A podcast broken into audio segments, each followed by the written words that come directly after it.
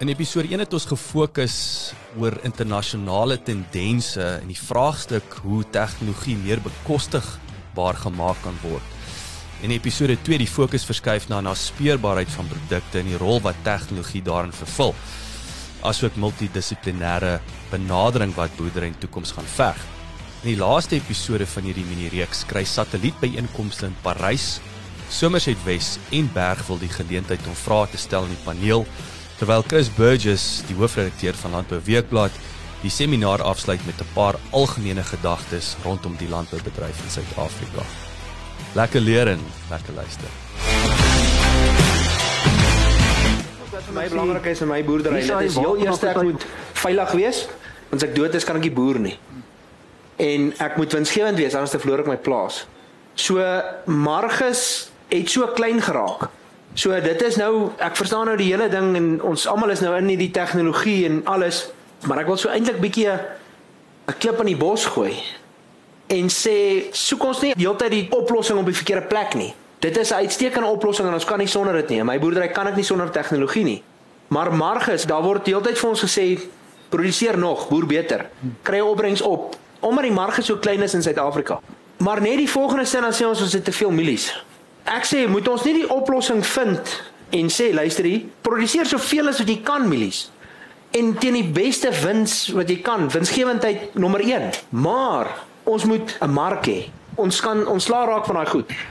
Dan gaan ons begin kyk, dan gaan die winsgewendheid beter raak, die marges gaan groter raak en ons gaan nie 'n klomp boere verloor. Dis baie waar. Volgens my. Hmm. Hmm.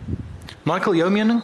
Ja, Gerard, ek dink almal is reg en voorheen het Derek en Tony albei gesê profitability and sustainability.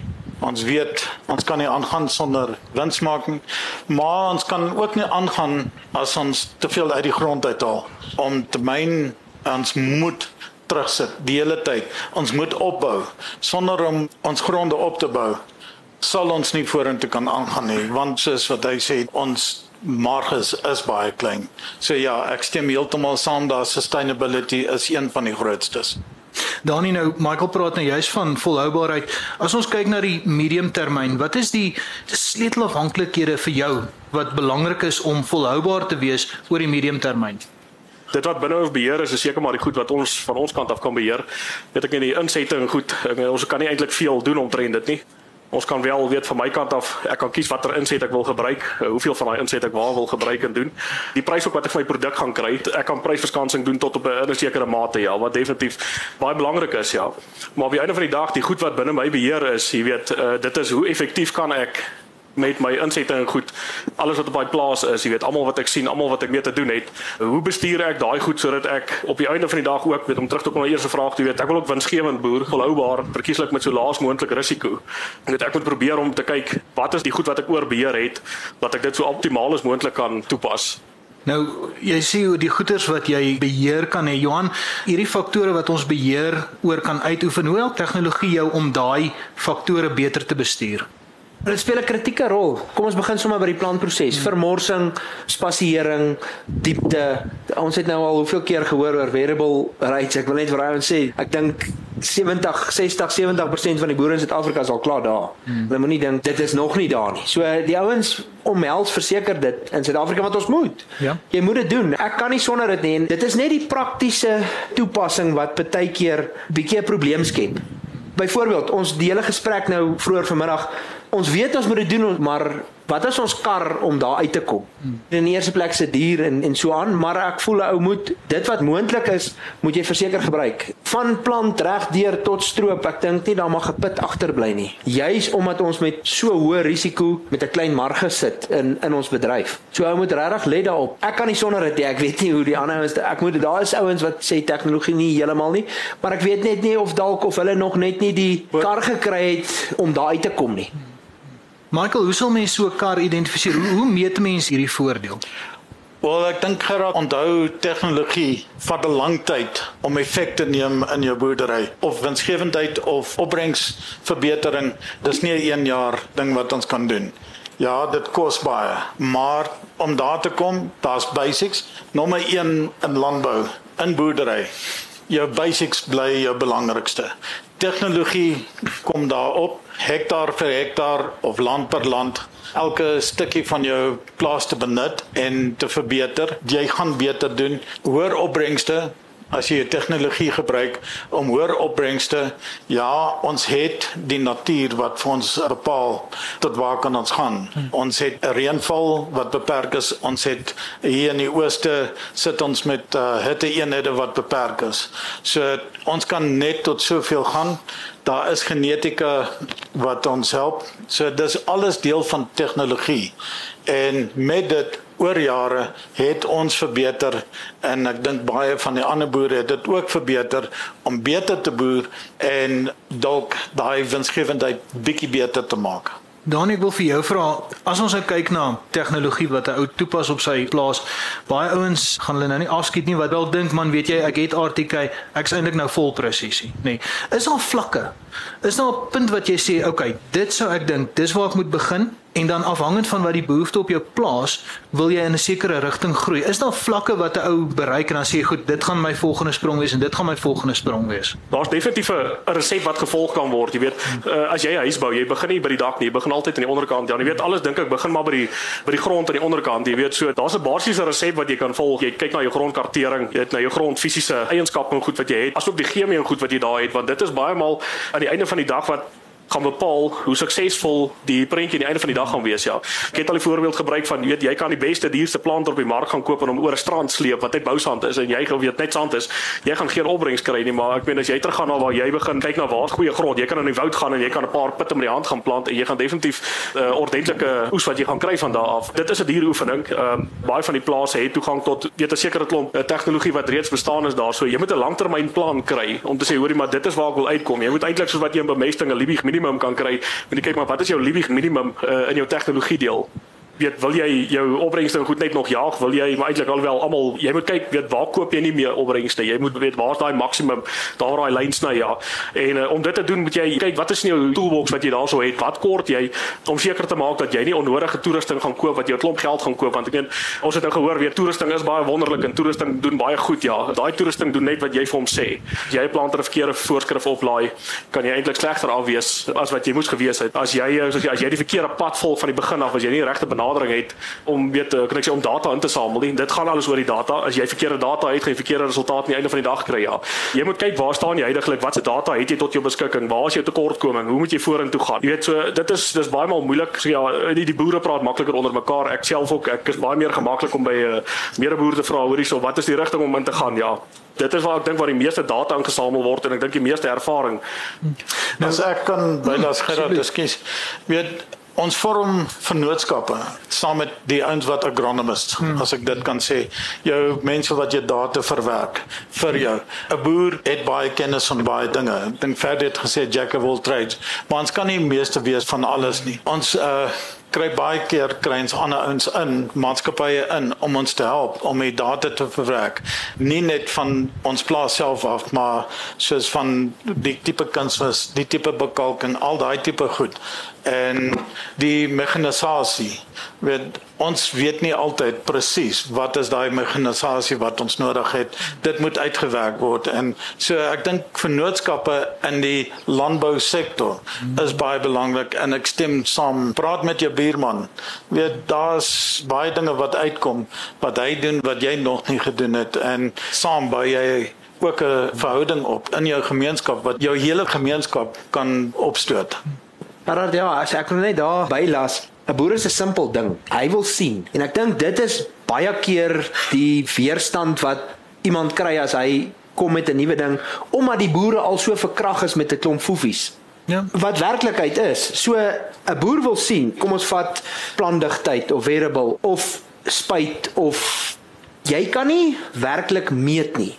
Ja, ons doen proewe, jy kan alles doen. Ek het nog niemand gekry wat by my gekom het en vir my gesê het, luister, ek waarborg jou 'n ton per hektaar ekstra nie.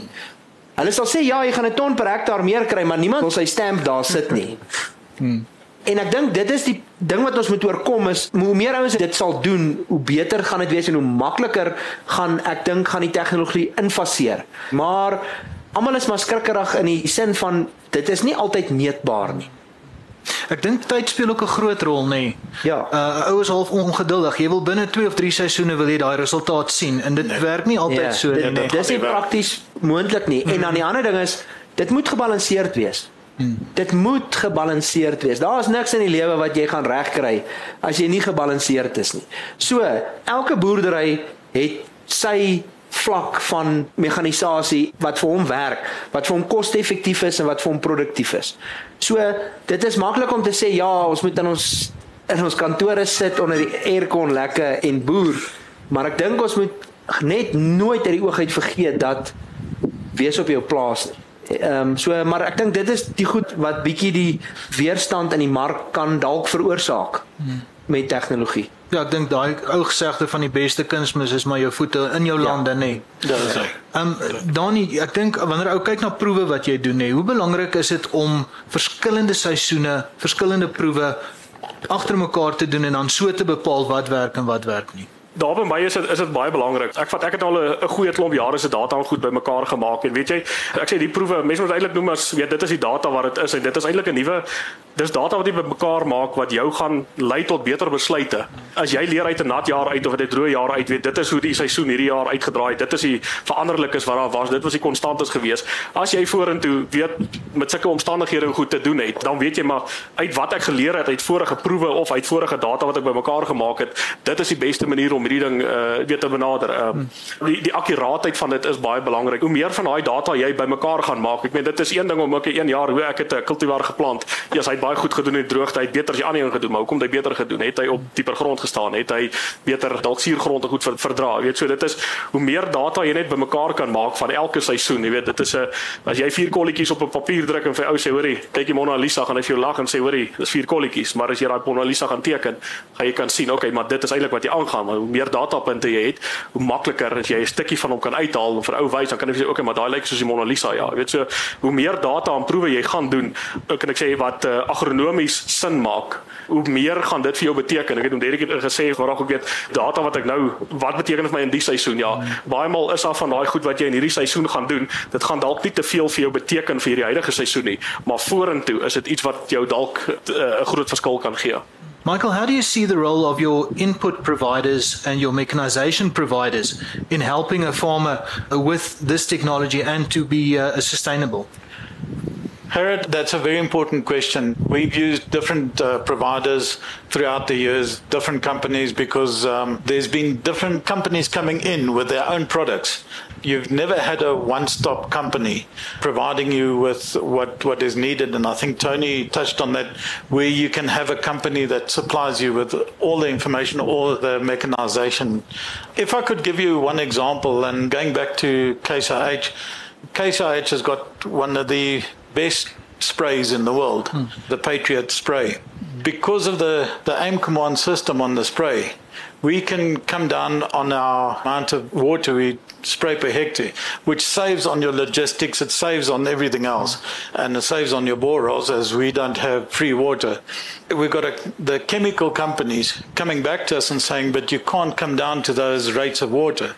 But we know that with the Patriot spray, because of its effectivity, we can do that. So I think there's a lot to do with the mechanization companies to go back to the supply, other supply companies, and where the training is needed, whether it's fertilizer, whether it's chemicals, how the mechanization works, and that the supplying companies in the agricultural sector can understand how we are applying and using these machines. Very important so that the whole agricultural sector can gel into one and understand it. Very true. Johan, ek wil nou vir jou vra, Michael het nou nog gepraat van hoe boere bymekaar leer, nê. Maar as jy nie die regte vrae vra nie, gaan jy nie die regte inligting kry nie. Hoe bepaal jy wat is die vrae wat jy wil vra op die einde van die dag? Gerard, ek dink dit hang alles af van wat jy sien. Dit kom terug die boer wil sien. Ek ry verby, ek sien my buurman se goed lyk so, my goed lyk so. Ek ry in 'n ander gebied in, ek sien Jesus, maar hierdie is indrukwekkend of wat het hier fout gegaan byvoorbeeld. So ek dink jou dit wat jy sien gaan bepaal wat jy vra by jou medeboer maar ek dink net nog steeds en en ons leer baie by mekaar en daar's baie ouens wat hande vat maar ons moet nooit vergeet ons sit met 'n tipe van 'n antagonistiese gevoel tussen boere want op die ouene van die dag as daar te veel mielies is, dan is ons almal nie meer winsgewend nie. So nou wil ek eers ek moet nou kyk en eintlik is dit die verkeerde mindset wat jy het want almal wil winsgewend wees maar die praktyk het vir ons geleer en jy het nou nog gepraat oor die boere wat minder word, groter en skaal, ekonomie van skale goed. En ek dink as ons ons organisasies kry wat werklik vir ons moet staan moet dalk begin meer effort en meer insit in die eind in die markte. Verstaan? Ons moet nie daar moet nie 'n probleem wees om 10 miljoen ton deur ons hawens te druk nie. Da, ons moet daai goed kan uitkry. Want dit gaan maak dat ek vir my buurman kan sê, "Wie wat? Hierdie jaar gaan ons daai silo's volmaak." En dan gaan jy ons gaan mekaar help. Maar nou is ons so, jy's dit moet net nie verstaan want môre oormôre gaan ek my grond koop. Ek dink dit is bietjie die probleem. Ons sit nie met 'n subsidies en goed wat vir ons gegee word en gehelp word nie. So ons is absoluut ons staan alleen. En ek dink ons moet dalk die oplossing bietjie verder gaan vind, gaan soek. Dan gaan ons nog meer by mekaar kan leer. Dis baie waar. Dis baie wat punt wat jy nou maak. Daniel, ek wil vir jou vra ja, jou mening nee, is die tegnologie wat ons nou van praat lewensvatbaar vir 'n kleiner 'n medium grootte besigheid of dink jy hulle moet by die basiese beginsels hou juis as gevolg van die koste van die mekanisasie en die toepassingstegnologie? Nou kyk, ek dink elke elke boerdery se behoefte verskil. Jy weet, dit is so dat daar uh, tegnologie kos 'n enorme klomp geld, maar ek dink daar is in vandag se tyd met die hoeveelheid tegnologie wat beskikbaar is op die mark tussen verskillende vervaardigers, jy gaan eers gaan jy tog wel iets kry wat jou sak gaan pas. Jy gaan dalk nou nie miskien die duurste nuutste ding op die mark kan kry nie, maar weet die tegnologie is vandag so gevorder, jy kan 20 jaar ou planter vat en jy kan hom toerus met nuwe tegnologie wat vir jou baie meer koste-effektief gaan wees, maar dit gaan tog jy gaan nog steeds die voordeel van dit uitkry. En uh, selfs ek weet al van kontrakteurs en goed ook vandag weet wat ook hierdie tipe dienste kan aanbied. Ja, weet so dit is nie te sê dat kleiner boere glad nie toegang het tot daai tegnologie nie. So ek dink dit is vir almal beskikbaar. Die winsgewendheid van dit, dit hang af van jy weet 'n groter boerdery natuurlik het baie maal meer tegnologie, weet meer weet groter planters, groter spuite nodig en waar kleiner boerdery dalk 'n kleiner ding nodig het. So ek dink daar is vir baie van die ouens, daar is 'n sakpas oplossing ehm um, vir baie van die boere ja. 'n Groot fout wat ek dink het wat baie wat ek mee te doen het en sien is dat baie ouens koop te vinnig in 'n goedkoop ding. Weet aan hierdie bedryf dink ek is dit baie keer is goedkoop koop te duur koop. Weet en dit kom weer terug jy moet 'n plan hê oor 'n langtermyn. Jy moet kyk waar aan die ander kant jy wil uitkom en jy moet hou by dit. Ek meen as jy een keer 'n verkeerde tegnologie gekoop het om 'n tweede keer weer die foute gaan regmaak, dis klaar water in die geld gegooi en dit is waar ek dink baie keer wat uh, tegnologie 'n slegte naam kry want dit is weet ek het dit probeer dit gewerk nie. So ek skryf dit nou af ja, dit is nie koste-effektief nie. Dis baie waar. Michael, I'm going to ask you the last question. Uh, Donnie said he made a very valid point now saying that um, cheaper is not going to help you in this uh, circumstance. How do you make sure that you get the bang for your buck, the value for your money? What are the criteria that you judge your technology on? Harrod, because it's so expensive, you've got to start slowly.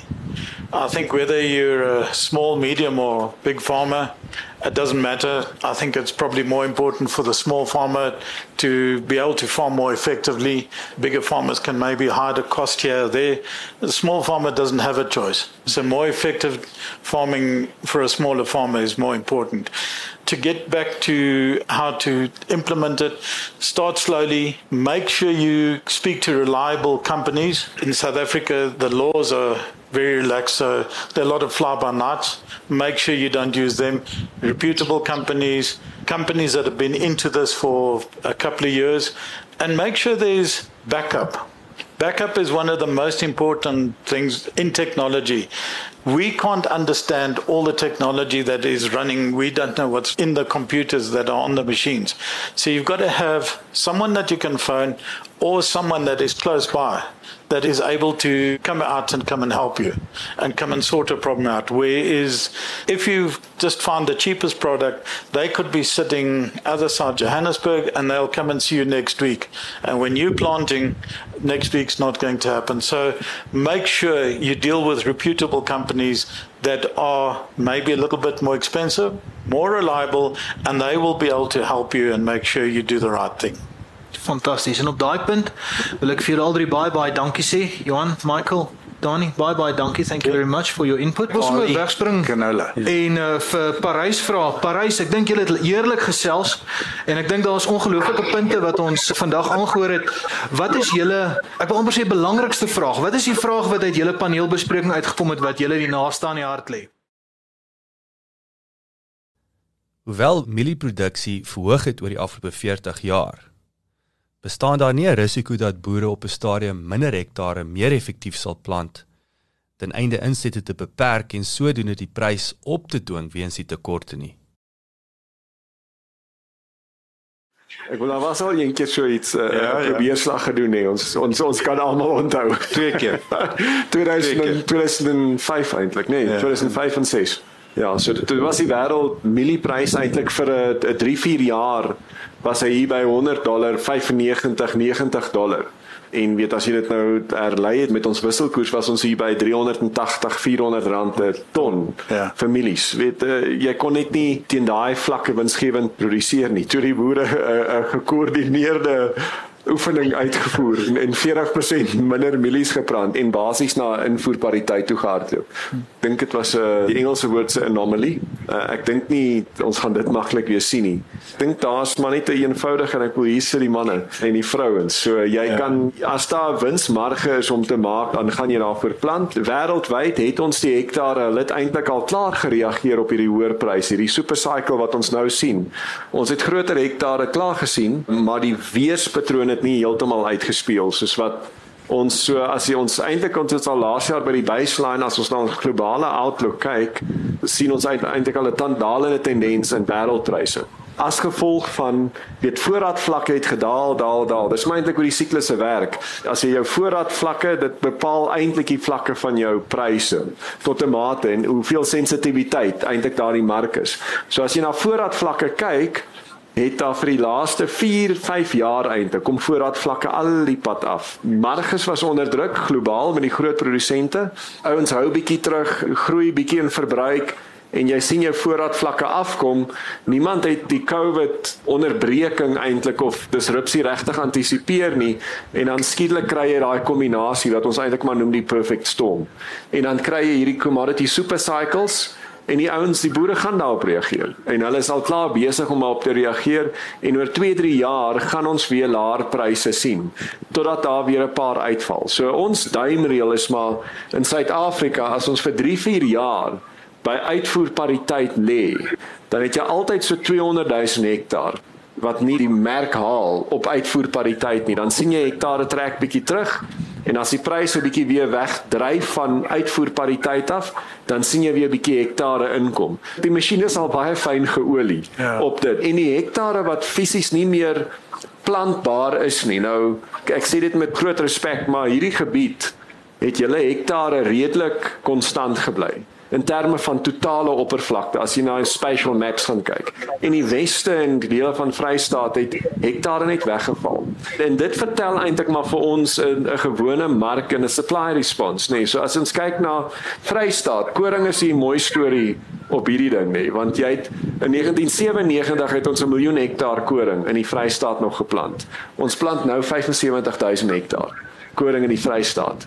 Dit was eenvoudig net nie winsgewend meer. Die risiko was te hoog. Bietjie klimaat skuif en in die vrye mark ons kan net nie 1.5 ton, 2 ton koring teen jou Oekraïne en jou Oos-Europa veral en dan Argentinië produseer.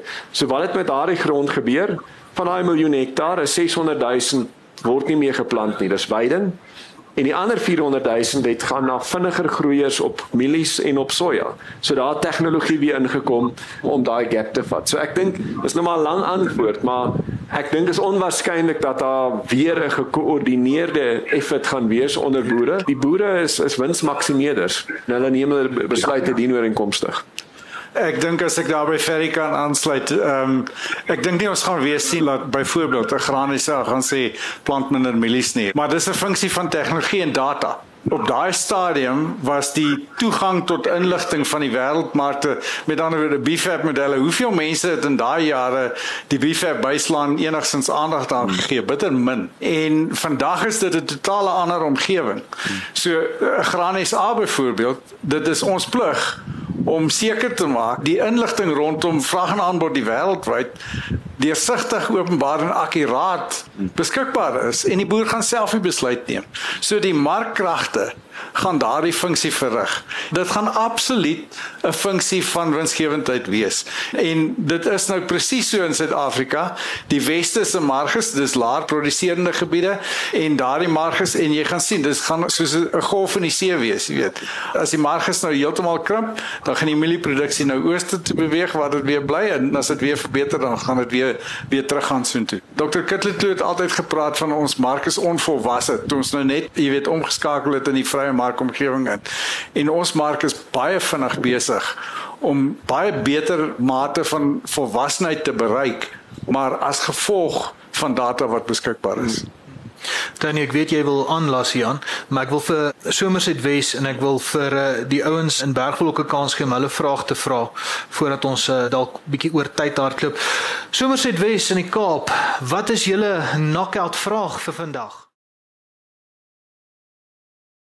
Die president het in 'n onlangse toespraak melding gemaak dat aansoeke om waterlisensie registrasies binne 300 dae afgehandel sou word is daar enige manier vir die boere as belastingbetalers om meer druk uit te oefen op die owerhede om verantwoording te doen vir die beloftes wat hulle maak? Wat is ons vermoë om om invloed uit te oefen? Is waar ek wil begin om daai vraag te beantwoord, nê. Nee. Ons sien al hoe meer dat daar meer insidente is waar die private sektor eenvoudig die staat dwing deur hofsaake en verskeie maniere om hulle pligte na te kom. So dis nie die gewenste manier nie, maar ek jy weet 'n mens kan 'n bietjie hoop daai trek om te sê dat ons dit is tog 'n staatsfunksie, dis sy plig en as hy dit nie verrig nie, dan is die private sektor besig om op hulle voete te staan en sê nou moet julle dit doen en as jy dit nie doen nie, dan vat ons jou hof toe om dit te doen. So ons vermoë om invloed uit te oefen is konstant besig om te verbeter. Ek hoop ek kan vir jou hoop skep daarin, maar wees net verseker dat georganiseerde landbou nie ophou om daardie druk uit te oefen nie, nie ophou om daardie beïnvloeding te probeer doen nie. Ek verstaan hierdie vraag so goed. Daar's min dinge wat meer energie losmaak as kwessie oor waterregistrasies. Boere kom daar by ons by kantoor aan, dan is hulle wiele pap. Ek kan nou nie aangaan voor hierdie goed nie deur is nie. Nou in die begin het ons probeer om aan te hou klop aan daai deure. Wil julle nie maar hierdie ding prosesseer nie.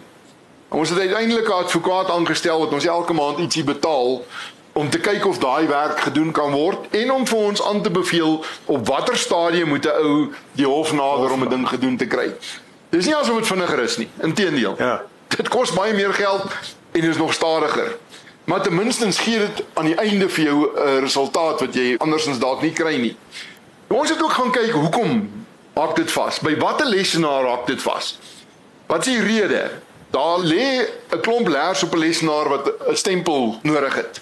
Die rede hoekom die stempel nie daar is nie is die persoon is op kraamverlof wat die stempeltjie moes opsit en daar het nog niemand die funksie opgeneem om dit maar op te sit nie.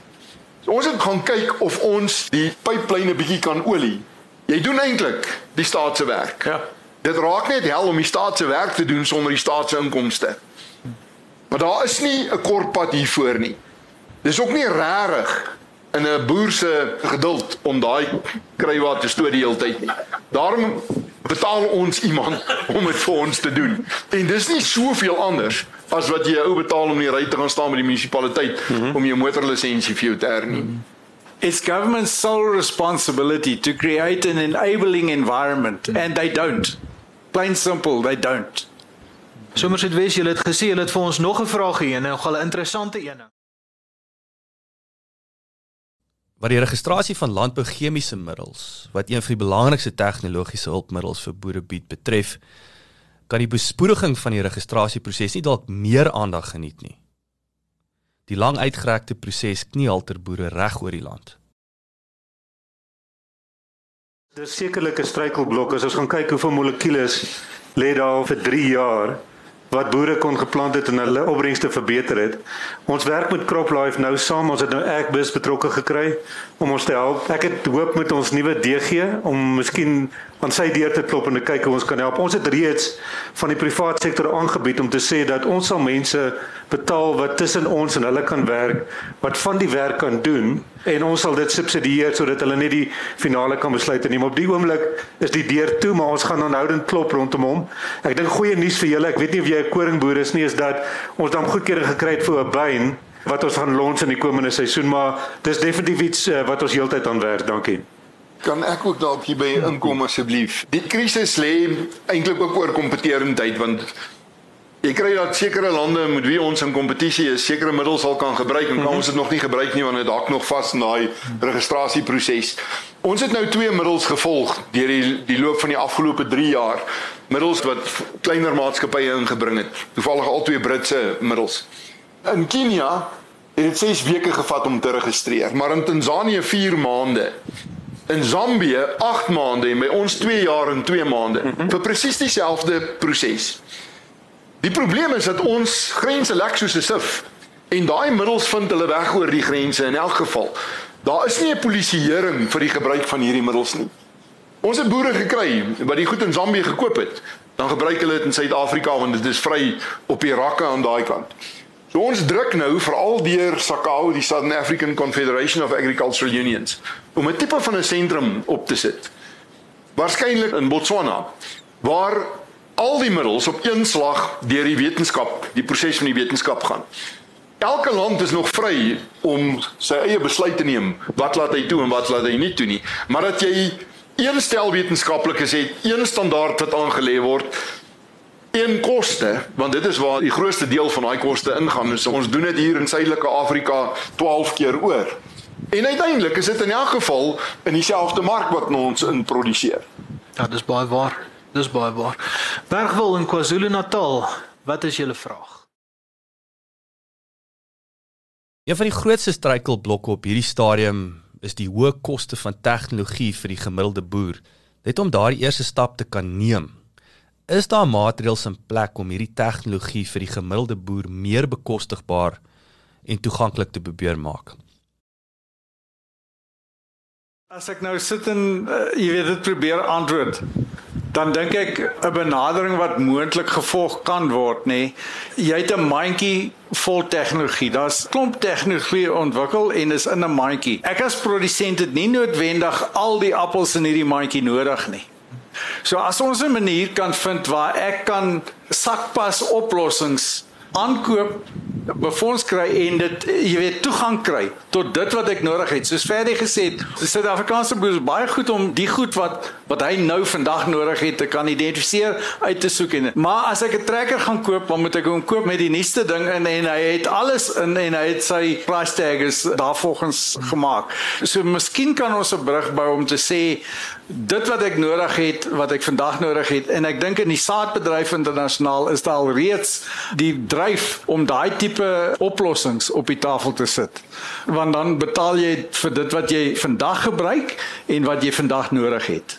Tony, wil jy daarop uitbrei? Ja, ek, dink so obviously is daar opsies. Ons het ook die tegnologie is beskikbaar. Dit is uiteindelik die boer se besluit.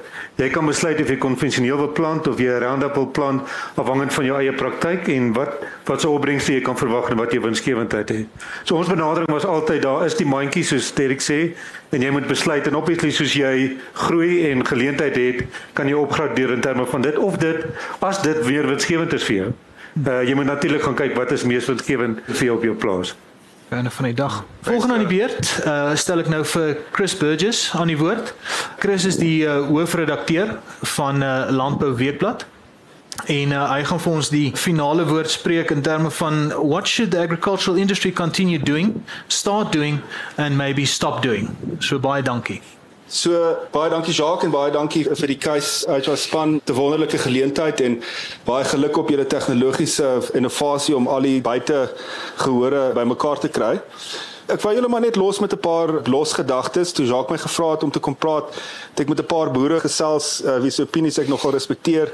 'n Bietjie gekyk waar ons in die landbeweegpad skryf en uh, net 'n paar los gedagtes met julle los. So die eerste een is ehm um, landbou bepaal die toestand van die platteland. Dis nou julle, die boere. Die platteland is maar in die hande van die landbou. Jy weet jou dorp maak saak, die hospitaal, die ouetehuis, die plaaslike skool.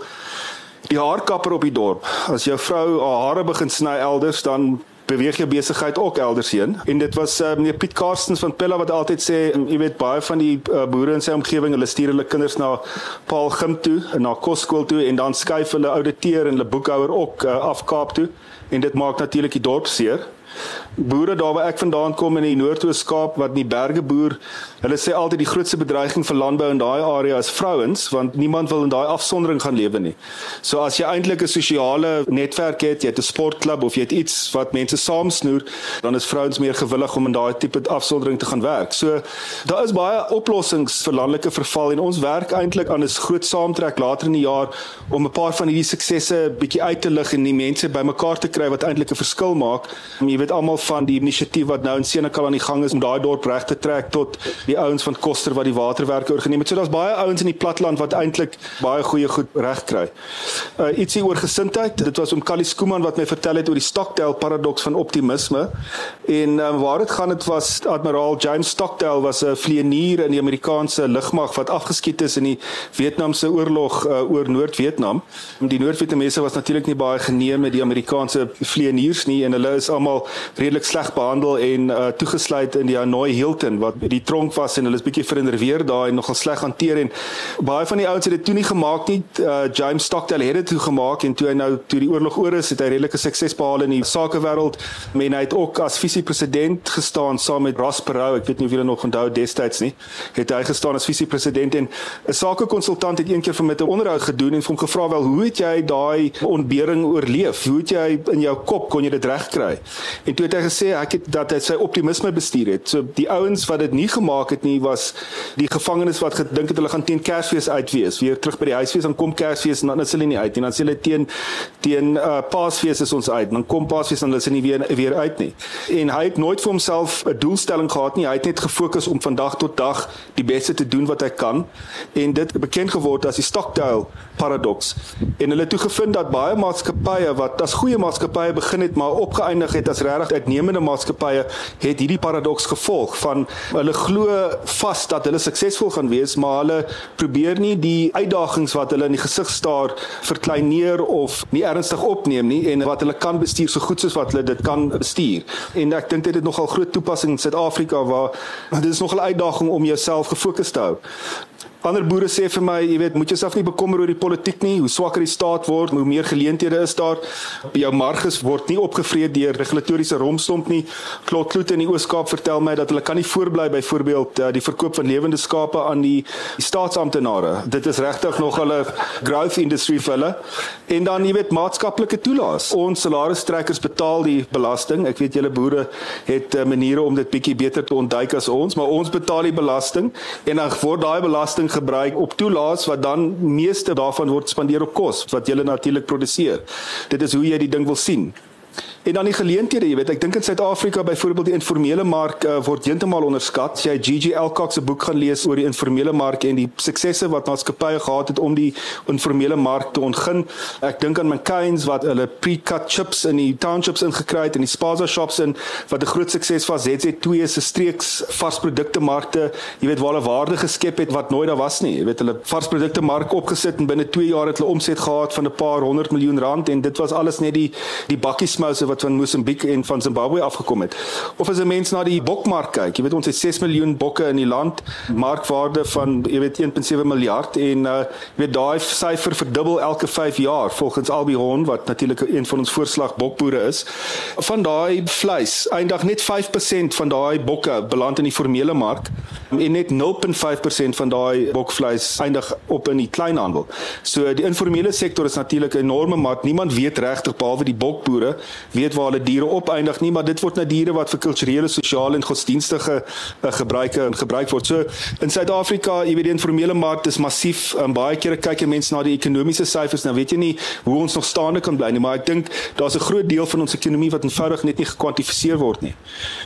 Ietsie oor verhoudings, die belangrikheid van waardevolle langtermynverhoudings. Jy maak Ellen het daar gepraat dat hulle vennootskappe met hulle insetverskaffers aanknoop.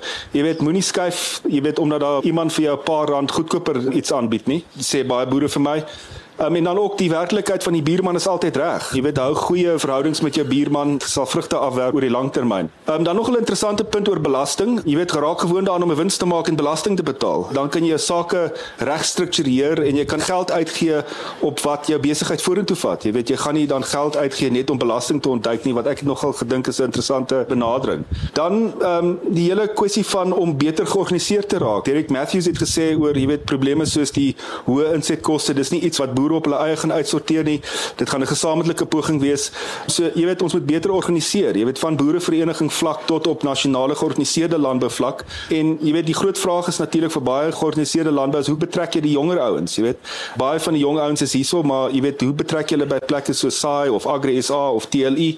En wie gaan die brugbouers weet? Jy weet een van die vrae was, jy weet, hoe kry ons die staat om die noodsaaklike te doen? Wel, iemand gaan daai proses moet dryf en dit vat 'n baie spesifieke persoon om dit te doen. Jy weet, en veral nou met uh, meneer Janie de Villiers en uh, meneer John Purchase wat weg is, jy weet, wie gaan daai brugbouers wees wat eksklusief werk aan daai verhoudings om seker te maak, jy weet, ons hawens word uitgesorteer, dat ons mielies en ons vrugte kan uitvoer. In hierdie opsig wil ek eintlik net die Grain Academy uitlig wat eintlik 'n wonderlike inisiatief is waar jong boere in 'n omgewing gesit word in 'n groepsverband met mense uit verskillende agtergronde, mense uit verskillende rasse uit en dan word hulle so 'n probleem gegee wat hulle moet oplos oor 'n periode van dae um, en met 'n oplossing kom en dan moet hulle ek dink aan die einde moet hulle gedig in Engels doen. Jy weet, so hulle word heeltemal uit hulle comfort zone uitgevat en hierdie opleiding gegee oor hoe om die ongemaklike werklikhede van Suid-Afrika te navigeer wat ek nogal gedink is is nogal innoverend. Jy kan jouself afvra, jy weet, wat doen jou boerevereniging om jou boerdery meer winsgewend te maak? Jy weet, doen julle toere, gaan sien julle ander ouens, gaan sien julle wat elders in die land gebeur. En dan net 'n punt wat Ferdi gemaak het, jy weet, die opleiding. Jy weet, wie gaan verseker dat ons genoeg patoloë het? Landbouingenieurs, veeartse, jy weet, landbouekonome. Wie gaan dit doen? In die ou dae was jy redelik verseker dat die landbou colleges en die universiteite hierdie mense gaan oplei, maar dit is nie meer so nie. So wie se verantwoordelikheid is dit? En jy weet, dit kom terug na georganiseerde landbou toe en die mandaat wat georganiseerde landbou het is net uh, soveel wyer. Jy weet kyk na strategiese vennootskappe. Um, ons was 'n ruk terug in Old Days en hierdie interessante boer ontmoet Martinus Erasmus wat eintlik met niks begin het en hoe hy sy boerdery opgebou het was hy het eintlik gekyk elke keer waar hy 'n strategiese vennootskap met iemand kan aangaan. So baie van daai boere langs in Limpopo, hulle het water, maar hulle wil eintlik maar net met vee boer. So hy kom in en boer die grond, sit spulpunte op, doen kontant gewasse in die winter, verkoop natuurlik dit is natuurlik hulle bemarkingsgeleef om vroeg op die mark te kom in die somer net na die winter en dan as hy sy groente afval dan plant hy voergewas vir die veeboer en dit is hoe hulle besigheid struktureer wat ek nogal gedink het is innoverend. Ehm um, en dan jy weet gebruik die beskikbare hulpbronne wat daar is. Daar's sulke wonderlike hulpbronne soos die hele ding van e-colors wat Granies A eintlik gedoen het wat ek nogal gedink het was interessant. Verskillende persoonlikhede op jou span. Jy weet hoe kry jy die beste uit jou mense uit? En as jy weet hierdie persoon is 'n detail gefokusde mens, dan weet jy hoe om met die ou te praat, jy weet hoe om met die ou te werk. As jy weet hierdie ou is meer van die emosionele ou, dan begin jy die gesprek met hoe gaan dit met jou familie? Hoe gaan dit met jou eet voor jy nou die instruksie gee? En dit kan nogal baie waarde en nogal baie produktiwiteit losmaak en nogal baie jouself 'n klomp ergernis spaar. Dan dink ek ook die kwessie van dankbaarheid, né? Ehm um, jy weet as 'n mens kyk na Suid-Afrikaanse landbou, ons het eintlik baie sterk kundige landboubedryf. Jy weet georganiseerde landbou, ons het die TLE, SAI, Agri SA, ons het sterk burgerregtelike organisasies soos uh, AfriForum, sterk insetverskaffers. Ons sit hierso wat tegnologie inbring, sterk landboubesighede en hierdie tipe infrastruktuur infrastruktuur. Ek weet ons kla graag, maar jy weet mense moet dit nie geringskat nie. Jy weet as 'n mens opgaan na Zambië toe, hulle het dit eenvoudig net nie. Jy weet ons mag nie miskien subsidies kry van die staat nie, maar jy weet daai onderbou van ons landbou gee ons bedryf nogal baie veerkragtigheid. Ja, en dan fokus, jy weet, fokus op wat gedoen moet word sê die boere. Jy weet, dis daai ou stelling van die, of jy word raak groter of jy raak beter of jy klim uit. Jy weet soos uh jy weet een van die boere het gesê vir my gesê toe ek met hom gesels het, onthou net ons boere met trekkers en ons boere met mielies. So jy moet fokus op die mieliekant daarvan. Gaan kyk wat jou buurman doen. Moenie bang wees om jou praktyke te verander nie, maar wees duidelik oor wat jy wil bereik. Jy weet as jou doelstelling is om jou skuldlas te verlig, stel vir jou self 'n doelwit en werk daarna dan wins jy weet daar's nogal baie daar gepraat oor dat uh, mense kan nie net bloot opbrengste meer jaag nie. Jy weet verstaan waar jy maksimum winspunt is um, en op watter punt gaan jy nog steeds geld maak jy weet met die hoër kunsmisprys. Um, en dan daai hele ding van ek weet nou nie wat die Afrikaanse term is nie van the law of diminishing returns waar jy kom op 'n punt waar jy nie meer 'n rendement op jou rand kry wat jy belê nie. Dan baie boere het gepraat oor data en ek het nou net weer 'n gesprek gehad met twee boere. Jy weet boere daar's regtig so van jy weet die mekanisasie maatskappye gaan regtig moet kyk na data want boere voel hulle spandeer eintlik baie geld om hierdie data te genereer. Jy weet hulle wil in vennootskap gaan met megmaatskappye. Hulle wil deel wees van die oplossing. Hulle wil dit net nie oorhandig nie. So dit is daai langtermynverhoudings is iets waarna gekyk sal moet word. Jy weet hoe bereid is jy om jou foute te deel? Jy weet ehm um, baie kere leer mense nogal baie uit 'n fout wat 'n boer gemaak het, maar boere is miskien partykeer nie so gretig om hulle foute te deel nie. Ehm um, in die Oeverberg het ons 'n storie gehad van 'n studiegroep van ouers wat wie se kinders by die Roans College is. Dit is eintlik 'n deel van hulle benadering is om te gaan kyk wat se foute die ouens gemaak het in die jaar. Is ook nogal interessant. Um, ons het nou onlangs 'n paar boere daar in die Laagveld gehad met die boordboere. Dit is ook interessant om te sien hoe die boordboere in die noorde nie eintlik weet altyd weet wat die ouens in die suide doen nie, in die Wes-Kaap doen nie. Wat ek nogal verstommend gevind het, hoe hulle nou byvoorbeeld die makadamia boere en die ewe boere het 'n snoei spesialis gekry wat in die appelbedryf werk wat hulle nou in die noorde gebruik. So jy weet daar's eintlik nogal baie silo's in landbou wat mense nie eintlik altyd besef nie. En jy weet dis natuurlik waar landbou media miskien in die prentjie ook kom. Jy weet dit is ons rol om hierdie kolletjies te verbind. 'n Punt oor finansiering wat Theo Foster eintlik vir my um, ruk terug genoem het is hou jou kroongrond uit jou finansiering uit. Die stuk grond, jou familieplaas, jy weet, moenie dit in jou finansiering sit nie, finansier jou ander grond. Deursigtigheid. Ek kom van 'n familieplaas af wat miskien nie goed bestuur is in terme van opvolgbeplanning soos dit kon bestuur word nie. Um, ek dink dit is maar 'n redelike algemene probleem, maar ons het eintlik 'n boek uitgegee wat Theo Foster geskryf het oor familiebeplanning en opvolgbeplanning en punt wat deurkom is deursigtigheid. Jy weet, kry jou opvolgplanne in plek vroeg. Jy weet as jy in jou 40's is al, begin aan jou opvolgplanne dink. Nie as jy 70 is en en allerlei ander realiteite al reeds ingeskop het nie, soos jy het nie jou finansiële beplanning gedoen nie. Jy kan nie eintlik bekostig om af te tree nie want daai beplanning is nie gedoen nie. Stuur jou testament uit elke jaar na jou erfgenote. Laat hulle sien. Jy weet want op die ou en van die dag, um, en ek sien dit so baie onder boere is dat daai aspekte word nie genoeg aandag aangegee nie en dan loop dit op 'n totale tragedie uit. En jy weet skeer families uitmekaar uit en op die einde van die dag is uh ja, ek bedoel familie is is belangriker as boerdery. Jy weet daai basiese beginsels, um, jy weet kry dit maar net in plek. En ek het ook gehoor oor Ferdi se kinders. Ek bedoel iets wat ek baie sien met suksesvolle boere is is dat jy weet hulle betrek hulle kinders jonk in die boerdery, maak seker hulle verstaan wat aangaan. Uh produksie stelsels, herlewings, bewaringslandbou, jy weet, noem dit maar wat jy wil. Dit probeer alles om koolstof terug in die grond te kry. Jy weet, dit is 'n goeie boodskap vir die internasionale markte oor klimaatsverandering.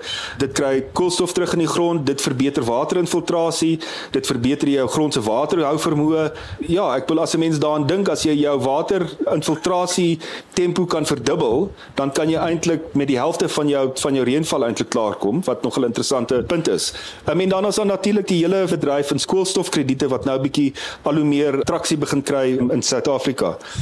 Jy weet hoe lyk ons grond? Hoe gaan ons grond lyk in 70 jaar as ons aanhou bewerk soos wat ons bewerk? Jy weet een boer het gesê kyk maar na braaklande. Jy weet die verskil in produktiwiteit wat boere daar kry as jy nuwe grond breek of uh, jy weet hoekom wanneer jy jou planter bietjie uitplant op die wenakker, jy weet hoekom lyk daai mielies altyd beter? Dan oor bewerking, jy weet die ou sê ding van loosening the soil was the start of compaction.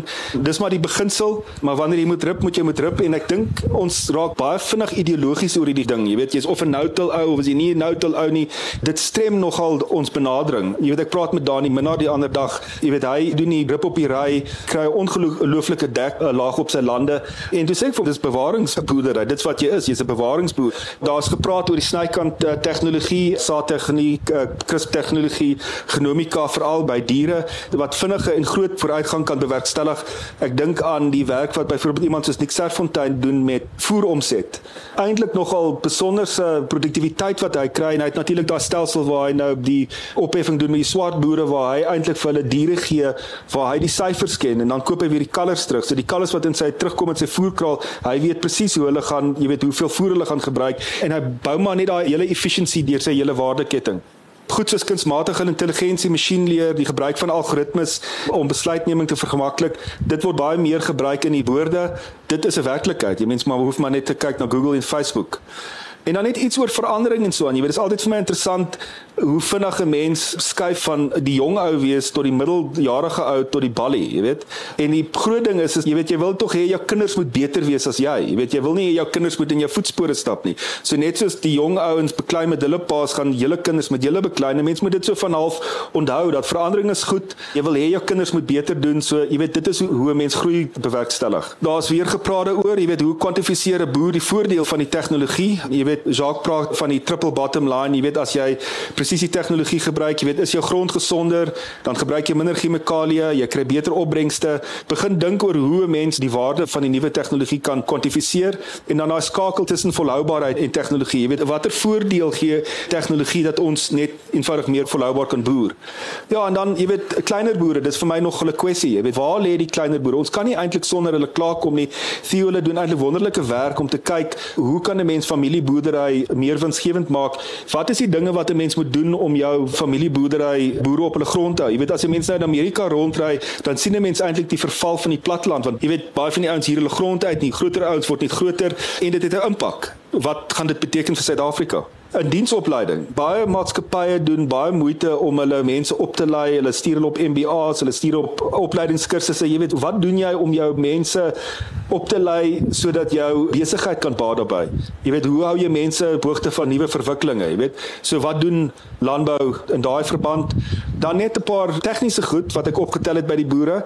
Interessant van die ouens sê vir my die verkoopsou wat by wie hy tegnologie koop weet baie keer minder as die werktuigkundige en baie van die boere gaan praat eintlik met die werktuigkundige om eintlik uit te figure wat die tegniese specs is van die gereedskap wat hulle koop So daar's 'n issue van meer verkoopsopleiding. Jy weet, verstaan jou customer. Baie van die groter ouens wil met die baas praat. Hulle wil nie met die takbestuurder praat nie. En natuurlik, jy weet, as jy dit vergelyk met die kleiner lande, byvoorbeeld in die Oos-Vrystaat waar jy kontoure het, kleiner lande in vergelyking met in die Weste, die ouens het verskillende behoeftes en ook verskillende tegnologiese behoeftes. Dan beskikbaarheid van tegnologie. Baie produsente, boere met wie ek praat, kla oor die feit dat jy te ver vooruit moet bestel. Hulle sê dat dinge verander. Jy koop 'n stuk grond en skielik het jy die werktye nodig nodig, vinniger nodig as 8 maande wat jy moet vooruit bestel. So ek weet nie mense hoe mense daar kom nie, maar dit was iets wat opgekom het um, in my gesprekke en jy weet dit is natuurlik risiko vir die maatskappye want as daai ou nou oorgaan na die kompeteerder toe en hulle kan hom uithelp, dan het jy nou jou klant verloor. Nog iets wat opgekom het is die specs. Jy weet van die boere sê hulle het nie altyd die regte hoë spek trekkers nodig nie. Trekkers wat spuit aardappels uitdaal, vragte trek. Jy weet nie jy het nie daai hoë tegnologie altyd nodig nie. Planters en stroopers natuurlik, dit moet die bells and whistles hê, sê die boere. En dan ouens in die Oos-Vrystaat sê, jy weet vir hulle is die moderne radkaste met auto vorentoe en agtertoe, so hulle vir hulle nog belangrik. En baie van die ouens sê die belangrikste ding in 'n trekker is die air conditioning. Ehm um, Vir Dani sê altyd dat jou belangrikste stuk presisie tegnologie is by jou stroper monitor. Baie ouens sê dit behoort nie opbrengsmonitor te wees nie, maar dit behoort eintlik 'n winsmonitor te wees wat terug is by die punt van jy weet waar lê jou maksimum winspunt. Ek dink daar's 'n groot waardering vir wat daai data wat 'n stroper vir jou gee, hoe daai data aangewend kan word reeds. Jy weet hoe jy jou bewerkingspraktyke kan aanpas, um, et cetera. En die boere sê stroperkaarte, satellietbeelde, drones en dan natuurlik die belangrikste um, wat al die boere sê is jy weet jy moet in jou lande kom, jy moet sien wat aangaan. Dan net ter afsluiting die twee goed wat ek wil sê is ons raak nogal negatief in Suid-Afrika oor jy weet wat ons nie reg kry nie, maar ons praat nie eintlik ooit oor wat ons wel reg kry nie. En jy weet ek dink byvoorbeeld aan iets soos grondhervorming. Jy weet mense sê grondhervorming is 'n absolute disaster. Jy weet ons het nou 28 jaar in die oefening in, ons het niks reg gekry nie, maar dit is nie eintlik waar nie. Ek wil ons het van die mees innoverende modelle wat nog ooit in die wêreld ontwikkel is, is hier in Suid-Afrika ontwikkel. Jy weet ons dink aan landelike veiligheid wat 'n enorme probleem is en jy weet die hele Senekal ding het 'n ou nogal bietjie ontkant gevang maar jy weet dan kyk jy mense na die wonderlike suksesse wat ons behaal het met ons kamerastelsel wat oor die hele land heen is so jy kan eintlik nie Vrystaat in die Oos-Vrystaat of in die in die Weste rondry sonder dat jy afgeneem word nie en dit het eintlik werklike impak ek sê in die afgelope 28 jaar is dit is dit die grootste impak wat ons eintlik op landelike veiligheid gemaak het. En dit was deur die private sektor gedryf en deur georganiseerde landbou gedryf. Ek dink ons moet onsself bietjie meer krediet gee. Jy weet ons moet bietjie kyk waar ons eintlik suksesvol wel is En dan net ter afsluiting wil ek net sê ja, ek wil watter groot voorreg en verantwoordelikheid is dit om met die Vader se skepping te kan werk. Ek en Gerrit ons werk in 'n kantoor, ons kom bietjie uit tussen die boere en so aan, maar jy weet om so naby aan die Skepper te kan leef en aan die skepping te kan leef is ongelooflike voorreg en veral as dit jou daaglikse taak is. En uh, ek wou maar net vir julle sê uit my perspektief uit dat 'n ou wat op 'n plaas groot geword het en wat homself nou grootendeels uh, van sy dag voor 'n rekenaar bevind, jy weet, dis regtig nog 'n voorreg. Ek wou julle met met daai daai gedagte los dat jy moet dit nie geringskat nie. Baie dankie. Chris, baie baie dankie. Ek dink dis goed om te hoor wat ander boere dink want ek dink ons kom agter hulle dink soos ons dieselfde idees dieselfde gedagtes en dan brei ons dit uit en so leer ons almal bymekaar ja maar uh, ek dink dit was 'n baie baie suksesvolle dag ek dink ons het almal baie baie dinge geleer Dankie dat jy geluister het. As jy gehou het van die episode, deel dit asseblief met vriende en familie en kollegas. En onthou om ons te volg op sosiale media op Facebook Case IH Southern Africa en ook so op YouTube met dieselfde naam om op hoogte te bly met al ons nuwe aktiwiteite en projekte.